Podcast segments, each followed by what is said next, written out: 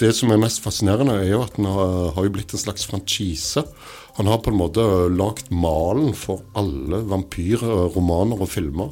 Ofte når du ser en vampyrfilm eller leser en vampyrroman, så, så må de på en måte ta stilling til de reglene som Dracula har satt. Dette med kors, dette med hvitløk og dette med stake og alt dette her. Det, det, uh, I intervjuet med Vampire så må de på en måte forklare at nei, nei, nei, jeg liker kors, sier ja, okay. hovedvampyren der, f.eks. Han er høy, han er høflig, han er gjestfri og veltalende. Han er ofte aktiv når andre sover. Men nok om deg, Yngve. Eh, det skal handle om eh, grev Dracula. Søren. Grev Dracula har da vært en del av eh, vår kollektive bevissthet siden 1897, da Bram Stoker sin roman med samme navn kom ut. Og Dracula er på en måte en så eh, innbakt del av vår forestillingsverden i dag at det er nesten lett å glemme at det er faktisk en roman som har eh, eh, kommet opp med navnet og alle forestillingene våre og alle forbindelsene vi har til det. Det er ikke en, er ikke en, er ikke en flere tusen år gammel myte, det er en roman fra 1897 av Bram Stoker, som, som kanskje mange ikke har lest i det hele tatt. De har bare hørt navnet. Så eh, ta oss gjennom eh, denne romanen, Yngve. Hva er det som skjer i Dracula? Den begynner jo med Jonathan Harker, som blir sendt til Transylvania, det moderne Romania, for å bistå eh, en klient fra, for advokatfirmaet han jobber for, eh, som da heter grev Dracula. Og eh, han blir invitert til å bli hos grev Dracula på det skumle slottet hans. Og der oppdager, opplever han jo mange skumle ting. Han skjønner etter hvert at det er ikke et vanlig menneske han har med å gjøre. Og, og han blir jo fanga, da. Og så hopper romanen fram til England, hvor da grev Dracula kommer med båt. Og begynner å livnære seg rett og slett av befolkningen. Mm. Og planlegger å slå rot, da. Ja, så det er, en slags sånn frykt. For eh, Jonathan sier vel ganske tidlig i boka at han har en frykt for at uh, Dracula skal komme til England. Ja. En slags sånn eh, enmannsinvasjon som han er livredd for? Ja, det er jo de som har prøvd å trekke paralleller til fremmedfrykt, rett og slett, når de snakker om Dracula. Det, det er helt klart. Mm. Så, men det jo, leser man boka bokstavelig og prøver ikke å lese mellom linjene, da, så er det jo klart at han har jo sine gode grunner, da. Mm. Han vil ikke utsette venner og familie for noen som suger blod av deg. Vi har en serie for barn her på biblioteket som heter 'Verdens verste eh, bursdag, verdens verste ferie' og sånt, av eh, Marius Horen Molaug, som som er, veldig morsom. Og dette, denne turen til Jonathan i innledningen her må jo være eh, verdens verste jobbtur, omtrent. Hvordan er det vi som lesere òg blir som sakte eh, dratt inn i dette gufne universet som, eh, som, Jonathan blir i begynnelsen? For det første så, skriver jo, uh, så skrives jo boka i brev- og dagbokform, eller uh, epistolary novel, som det vel egentlig heter. Så det gjør jo at det virker litt realistisk, rett og slett. Så vi ble jo kjent med Jonathan Haker via det som skal være utdrag fra hans dagbok, hvor han beskriver hele turen. Han uh, virker jo først litt fascinert av alt dette nye, så, men etter hvert så blir han bare skremt. Da. Vi opplever det gjennom hans øyne, rett og slett, sånn som han opplever det. Og, og det virker jo skummelt nok, det. Ja, Er dette ei, ei, ei skremmende bok når du leser den i 2022? Tja, det spørs nok hvem du spør. Og så blir det òg litt sånn hønen og egget-spørsmål for den.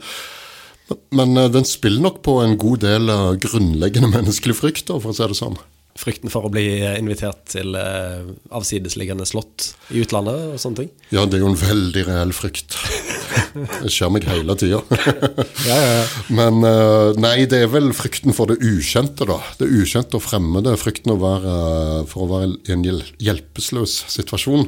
Ja, for det, dette, det er jo en hel vitenskap, dette med skrekk i litteraturen. Altså hva er det vi er redde for? Og her er det jo Eh, frykten for å bli etterlatt eh, ut, ut av stand til å, å ta vare på deg sjøl, som, ja. som, som, er stor. da Ja, altså, Jonathan Hake befinner seg jo i et fremmed land hvor han ikke snakker språket. Han kan ikke, han kan ikke de lokale skikkene, og så er han jo helt og holdent i grev Draculas vold. Og han er jo etter hvert innelåst og innesperra, rett og slett. Men hva, er det, hva er det Drak, eh, Dracula skal med han egentlig? Hvorfor er han bedt om å komme dit? Det er to ting. Eh, Det første er å hjelpe han med eiendomskjøp i London. Og det andre, viser det seg jo, er jo for å ja, snack, lunsj, middag. Men eh, det for det tredje så interesserer han seg jo litt for, uh, tydeligvis for uh, entouragen, holdt på å si, til Jonathan Harker. Altså familie, forloveden, venner. For det, det skjer jo et brudd i denne boka. her For det, I begynnelsen følger vi Jonathan sin, eh, sin eh, beskrivelse av turen.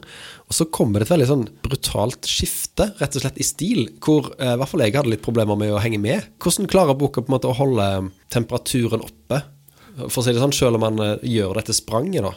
Altså, det er jo et veldig, um, veldig typisk grep i uh, sånn brev- og dagbokroman da, å gjøre det på den måten. Og uh, jeg tror litt av hensikten er å sette folk litt ut, og å gjøre det litt mer realistisk. Plutselig så skriver ikke han lenger, men så er det forloveden hans som skriver. Det, det bringer en slags realisme. Dette skal jo være som om noen uh, Altså Boka er skrevet som om en privatdetektiv eller noe har bare samla sammen masse dokumentasjon om dette her. Kanskje øh, han eller hun etterforsker drapet på Dracula, jeg vet ikke jeg. Det gir en sånn slags realisme i det. At det blir som en slags nyhetssending. Nå setter vi over til London. Ja, sant. Ja. Og så sitter en og lurer litt på Ja, men hva skjer med han fyren, stakkaren nede i Transylvania, da? Nemlig. Hvordan går det med han? Nemlig. Og så, og så plukker du opp trådene etter hvert og binder de sammen. Du skjønner jo at uh, Mina, Mina er forloveden til uh, Jonathan Harker. Og du blir liksom kjent med flere personer uh, på en ganske brutal måte, egentlig. Det, det gjør jo at jeg vil tippe at i seg sjøl så gjør det at du blir litt mer fokusert. Du er litt sånn OK, hva skjer nå? Du, du hører om småting. Du, du hører uh, om Jonathan Harker. Du var nettopp inni hodet til Jonathan Harker, og nå er du inni hodet til Mina. Uh, Mina Murray. Og så fører jo dette til at det, det kanskje boka får en eh, en måte, Det blir mer enn bare en sånn her eh, blodsugingsroman. Altså du, du blir holdt på tå hev, sånn som du sier, av eh, måten han er komponert på, da, rett og slett. Ja, altså vi er, jo, vi er jo interessert i mennesker. Og uh, i og med at vi blir kjent med de ofrene og de potensielle ofrene til Dracula, så gjør, jo, så gjør det jo selvfølgelig at vi blir uh, mer engasjerte. En måte. Men Dracula sjøl, hva, hva inntrykk får vi av han gjennom å lese denne boka? Der kan man jo si mye. At han er glad i blod og glad i Bortsett fra, mennesker. bortsett fra kostholdet, hva, har han noen dybde? Er sånn eh, Er han en, en, eh, karakter vi eh, bryr oss om? Ja, til en viss grad. Det kommer jo tydelig fram at han er jo veldig engasjert. da. Han blir jo veldig engasjert når uh, han prater med Jonathan Hawker om hans historie. Og eh, det er jo da det kom fram litt, og at det er han sjøl han snakker om. Når han, når han blir stilt spørsmål med um, hvem er det som henger på veggen der, og, og slike ting. Og, og da eh, holder han jo en flammende, et flammende foredrag. Så han er, han er engasjert, og han, eh, han eh, bryr seg om eh, arven hans, da. Som da er eh, å være greven av det lenet han, han bor i, da. Hvor det slottet ligger. Ja. Og, hvorfor skal han til England, egentlig? Det kommer egentlig ikke skikkelig fram, men uh, han har jo lyst til å Det kommer jo egentlig ikke fram om det er for å bare få nytt blod, rett og slett, eller om det er for å skape flere vampyrer, da. Men han skaper jo flere vampyrer straks han kommer til England. Venninna til Mina Murray, Lucy. Så det kommer ikke helt klart fram, men uh, han reiser jo med kister og transilvansk jord og godt humør. og ny giv. Han tar med seg det, det aller nødvendigste for å starte en ny tilværelse. Ja da. Ja, det- men han tar ikke minister. Nei. Men det er mange som har påpekt dette med frykten for det fremmede. Og så i tillegg så snakkes det jo mye om sigøynere. Han får hjelp av sigøynere. Ja, om man skal kalle det rasisme, eller hva man skal kalle det. Eh, om han hadde noen eh, bakenforliggende hensikter om å skrive, skrive på den måten, det vet jeg ikke. Men mange tolker det på den måten. Ja. Jeg for min del uh, tenker jo at det kjennetegnet på en god roman er at man tolker. Ja. Man ønsker å se etter meninger som kanskje ikke er der engang. Hva er det som først og fremst gjør at denne har blitt stående i, i litteraturhistorien som et referansepunkt? Det blir nok litt sånn hønen og eggespørsmål, egentlig. For dette, det var jo ikke den første vampyrromanen. Og den var jo heller ikke spesielt tro mot uh, de originale uh, vampyrlegendene fra Balkan, da. Hvor vampyrene egentlig er en slags zombier som bare drikker blod istedenfor å spise hjerner. Uh, litt sånn tankeløse vesener. Men han traff vel en nerve. Uh, boka ble veldig populær, den fikk gode kritikker. Den uh, kom jo på rette tider. da. Denne viktorianske tiden så var man litt opptatt av uh, det litt mørke og gotiske, da. Så, mm. så, han traff blink, rett og slett. Og det som er mest fascinerende, er jo at han har, har blitt en slags franchise. Han har på en måte lagd malen for alle vampyrromaner og filmer. Ofte når du ser en vampyrfilm eller leser en vampyrroman, så, så må de på en måte ta stilling til de reglene som Dracula har satt dette med kors, dette med hvitløk og dette med stake og alt dette her det, det, uh, I Interview with Vampire så må de på en måte uh, forklare at nei, nei, nei, jeg liker kors, sier ja, okay. hovedvampyren der, f.eks. Så, så uh, dette er på en måte en slags, blitt en grunnfortelling innenfor uh, vampyrlitteraturen? Ja. Så, som alt må forholde seg til? Helt klart. Han har, det er helt klart blitt uh, veldig uh, Altså rett og slett en oppskrift på vampyrromaner. At du, du, må nesten unnskylde deg hvis du gjør det på en litt annen måte. Ja. Så, så, så, hvis du vil være en kontrær uh, vampyrforfatter, så skal du ha en vampyr som sitter med sånn omgitt av ti-tolv kors og spiser hvitløkssuppe og Ja, uten og, blod. Uten blod. da har du, men da har du kanskje lite troverdighet igjen, da, som ja. Eh, som filmskaper eller som manusforfatter, hvis du gjør det? Det kunne jo vært litt morsomt, da, men uh, den vampyren hadde sikkert blitt litt uh, fått litt jernmangel, kanskje. Jeg vet ikke. Jeg kom jo på det når jeg leste denne her, at grever mm. de har et litt dårlig rykte sånn i, i ja. populærkulturen. Hva, mm. hva er grunnen til det, tror du? Det er ikke godt å si, men jeg vil tippe det har noe med at de har makt. Men samtidig så har de ikke fulgt så mye De er ikke så mye i søkelyset på en måte som eh, konger. Folk som er veldig høyt oppe i hierarkiet. Så de har eh, kanskje ikke eh, det samme ryktet å ta vare på, så de slipper kanskje litt billigere unna med ja, ting. De er litt sånne lokale småkonger som, eh, som kan operere i sånn halvstor skala. Nemlig. Og være sånn onde på et sånn regionalt nivå. Ja, de er vel mellomledere, rett og slett. Altså, du har jo um, den, den, største skurken i norsk film, barnefilmhistorie, Greven i 'Reisen til julestjernen'. Oh, ja. han, er jo, han var jo, Da måtte jeg gå bak sofaen da han kom på, på skjermen på julaften. Ja, han var skummel. Han manipulerte hele hoffet, og mm. han var på lag med alle de onde kreftene i denne vinterverdenen. Ja. Uh, og så har du jo i tillegg um, uh, Greven himself, altså kirkebrenneren fra, oh, ja. fra 90-tallet. Han kaltes ja. jo Greven. Count Grishnak. Ja. Oh, ja. Så uh, Den eneste formildende greven jeg kommer på, er jo han av Monte Cristo. Ja. Han, han bringer jo på en måte grevenavnet litt opp i, i, i godt selskap igjen. da Det gjorde han. Den skal han ha, faktisk. Ja. Så Nei, de, de, har fått et litt sånn dårlig rykte, og det, jeg vil tippe det har noe med den kombinasjonen at de har makt, men samtidig så er de litt under radaren i forhold til mange andre. De kan nok holde på litt mer sjøl, som de vil. Mm. Og så, jo, så, var de vel kanskje i førstelinjen. Det var de som samla inn skatter, det var de som uh, ja. tok vare på uh, lover og regler. Så uh, da var de lett å mislike, tenker jeg. Jeg syns jo det er interessant òg at eh, Transylvania, der dette foregår. Mm. Eh, hvis du sier Transylvania til en hvilken som helst person i, i Vest-Europa og USA i dag, så, så alle tenker på Dracula. Ja. Du, du, ser omtrent for deg en sånn eh, region hvor alle går rundt med hoggtennene ute. Ja. Men at det, det virker som Transylvania og Romania egentlig er liksom glad for denne boka her. Det altså. Andre ville kanskje tenkt at nei, slutt å stigmatisere oss, vi er jo eh, ikke vampyrer, vi er helt normale. Men jeg tror Dracula-turisme er jo gigantisk i Romania.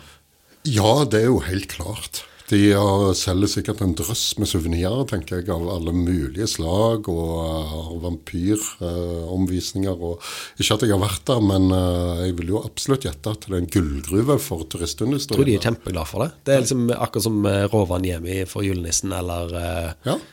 All PR er god PR, kan du si det sånn? Ja. Ellers ville det bare vært nok et, et fint landskap i Sentral-Europa, men nå er det så forbundet med Dracula-navnet at dit kommer folk. Ja. Å, kan, jeg vet ikke om de har sånn der eh, spøkelsesslott hvor du kan sove og sånn. Det har de sikkert. Det vet jeg at de har. Ja. Det, det har jeg lest om opp igjennom. Det, det er sikkert minst et par-tre slott der som eh, påstår at det er Draculas slott. Det, ja, for det, kommer jo fra en legende, har jeg skjønt, eh, dette Dracula-materialet mm, egentlig. At han ble inspirert, da. Han er Bram Stoker, som var en irsk forfatter. Han var irsk, ja. Eh, kort for Abraham. Så kalte han seg bare Bram. Ja, hvorfor han kalte seg det, vet jeg ikke. Men uh, han var jo uh, Han var vel manager for noen skuespillere, først og fremst. Og så satte han seg plutselig ned, og så skulle han skrive da Dracula. Og uh, hvordan han fikk ideen, vet jeg ikke. Men jeg vet at han gjorde veldig mye research. Men uh, hvor, i hvor stor grad han var Altså, nå er det jo litt sånn eh, konsensus om at uh, han baserte seg på Vlad Tepes. Uh, først Vlad 3 Dracula av Valakia. Og som nå var, er en nasjonalhelt i Romania, for han kjempa mot det osmanske riket. Noe som fremkommer i hvert fall i noen av filmene i større grad, og, og det, til en viss grad i eh, romanen. Men eh, man har ikke funnet så veldig mye eh, om denne Vlad Tepes blant notatene til Bram Stoker, faktisk. Nei. Så i eh, hvor stor grad han eh, baserte Dracula på eh, konkret denne fyrsten fra 1400-tallet, det, det er ikke godt å si. Han uh, leste jo om vampyrer, uh, om vampyrlegendene, og han hadde jo garantert lest noen av de tidligere vampyrromanene, som f.eks. Carmilla og sånne ting. Han beskriver jo Dracula ganske ulikt de vampyrene du finner i myter og legender derfra. For uh, i de opprinnelige mytene og legendene fra Balkan, så er vampyren en slags zombie. Det er en tankeløst lik som graver seg fram og drikker blod og går og legger seg igjen. Ja, for, for eh, det vi har lært av å se på film eh, opp gjennom eh, 100 år, er jo at de skumleste skurkene er de som er veldig sånn høflige og liksom galante og sier de riktige tingene. Og ja, tilsynelatende virker å være ganske vata, da. Ja. Eh, Bortsett fra helt til de da spiser hodet ditt med hjernen din med skje. ja, ingen er perfekte. men- Nei, altså alle, Nei, nei. alle har jo sitt, det er klart. eh, Hvem har vel ikke gjort det i godt lag? Ja, nei, herlighet. Vi har alle våre kjepphester og Ja. Men er det det som gjør at, at Dracula får en slags sånn snikende eh, kvalitet ved seg? At vi som lesere har, vet jo godt hvem Dracula er, for vi lever jo i, i, vår tid. Men likevel så, så blir en liksom forført av den her eh, korrekte, eh, litt rare fyren i Ja. begynnelsen. Nei, altså, det er jo klart at hvis uh, grev Dracula hadde blitt fremstilt uh, i tråd med de opprinnelige legendene, så hadde det jo blitt en veldig kort og kjedelig bok. Ja. Uh, nå blir han jo spennende. Ja, han er, han, han, for han er jo et, et Han klarer jo å, å balansere eh, jobb og fritid, for Ja. å si det sånn. I hvert fall til en viss grad. Ja, ja, ja. Nei, han skal ha all honnør for det. Ja. Han er hele tiden på jobb. Multitasking, det var han god på. ja, ja, ja. Han kunne sikkert blitt en god protestant. Ja, garantert. Og dette er jo ei bok med mange personer, eller en god del personer, og det er ikke så lett å si hvem som er hovedkarakteren, kanskje? Er det, er det Dracula sjøl, eller er det en av disse britene som blir involvert? Hva, hva syns du? Eh, den, på en måte er det jo kanskje Dracula sjøl, men uh, han slipper jo aldri til med sine tanker, stakkars. Nei, uff. Ingen bryr seg om hvordan stakkars Dracula føler og tenker. Men uh, det, det er jo klart, han er, der han er jo den mer eller mindre skjulte trusselen i hele boka. Uh, men ellers Mange tenker kanskje først og fremst på Jonathan Harker, men det har nok mest med at han er den første du blir kjent med. Og det er han som gjerne opplever Dracula først. da. Men eh, det er litt vanskelig å si. Du har, du, du har mer eh, Det er jo et ensemblespill, kan du si, og du har litt sånn forskjellige roller. Uh, Dracula er den syndige forføreren. Van Helsing han er på en måte fars- og prestefiguren, kanskje. Det er han som er den trygge, som vet hva dette er, og som skal hjelpe til å finne en vei ut av dette. Og de andre er vel mer eller mindre statister. På, eller uh, de har biroller. Mm. Jeg ville sagt at uh, hovedrollene ville jeg sagt var Dracula og Van Helsing. Det er de som har mest makt. Han Van Helsing, da, hvilke kvaliteter har han utenom å være den som skal rydde opp? Uh, han er jo um, Han er jo veldig lærd. Han uh, er en dyktig lege. Og han kan tilsynelatende alt om vampyrer, og det kommer veldig tydelig fram at uh, han skjønner veldig kjapt hva som skjer her, selv om han ikke nødvendigvis uh, forklarer det til, til, i noen særlig grad. Så forstår han hva som, hva som, skjer. Og det er han som på en måte skjønner hva Dracula er, og kommer med en plan om hvordan man skal få tatt livet av han da. Hvordan man skal stanse trusselen fra Dracula. Ja. Han holder, holder noen flammende innlegg om det britiske imperiet og sånt, eller? Eh? Nei, herlighet, Nei. han er jo nederlender. Men han er en av de snille utlendingene. ja, nettopp. Dracula, er det, eh, er det ei bok som får deg til å ha, alltid ha hvitløk i eh, nødhjelpsskrinet ditt? Uh, jeg velger å tro at jeg eh, har mye hvitløk fordi jeg liker det. Men uh, det er klart jeg leste jo boka først når jeg var kanskje ti, så kanskje det er noe underbevisst her. Jeg vet ikke helt. og eh, Karl Ove Knausgård var jo på besøk hos oss i høst, ja. og han nevnte faktisk Dracula i det ene sceneintervjuet han gjorde. Nei, men det snakker vel om, om at det fins noe i kulturen mm. som man kan nesten tappe. Ikke sant? Mens man har f.eks. Dracula, da, som, som, eh, som, den originale Dracula. Jeg leste den nettopp om igjen. Jeg har lest den i hvert fall fem ganger siden jeg var 16. Den er, en helt fantastisk roman. Den er ikke så godt skrevet. Uh, det kan man liksom holde mot den, men den har et eller annet med, med blodet og, døden og det evige liv og, og masse sånne ting som, som er fanga i bilder. da Mm. som, er, som, har med meg å gjøre. Har med meg og livet mitt å gjøre, men jeg vet ikke på hvilken måte. jeg vet ikke hva det er for noe. Som når jeg sitter og skriver, så prøver jeg vil inn dit, liksom. Til noe som er viktig, men som jeg ikke vet hva er, men som jeg føler og kjenner. Altså det, den, det, var jo en form som kom omtrent på den tiden, altså sånn epistolary novel, og som var populær. Det er vel Dostojevskij skrev vel på den måten, og om jeg ikke husker feil, er vel Frankenstein skrevet på samme måten. Eh, Dr. Jekyll og Mr. Hyde er skrevet på samme måten. Men det er, jo, uh, det er, jo, en stil som nok fort har blitt oppbrukt, tenker jeg. Ja, men, men, vi ser fortsatt spor av det i dag, at, at, forfattere skriver bøker som er sånn manusfunnet ja. år 2500. Mm. Etter at jorda har gått i dass. Uh, ja. ja. ja det, det, er mange som prøver, prøver, seg på den måten. Du hadde jo en film som kom for en god del år siden, som het The Blair Witch eh, Project. Ja. Som ble laga som en dokumentarfilm. Så da var det jo en heks og ikke en vampyr. Men det er jo flere filmer som har blitt laga som dokumentarfilmer uten å egentlig være det. Ja. Så uh, det er jo klart at uh, man man prøver jo også å skaffe seg litt ekstra realisme på den måten, men samtidig, hvis det ikke er godt nok gjort, så blir det jo fort bare dumt. Alle skjønner jo at dette ikke er ekte. Ja, det var kanskje litt lettere å gjøre det før, for dette da fantes ikke internett på samme måten? Ja, jeg vil tro det. Folk hadde ikke lært å google ennå. Nei.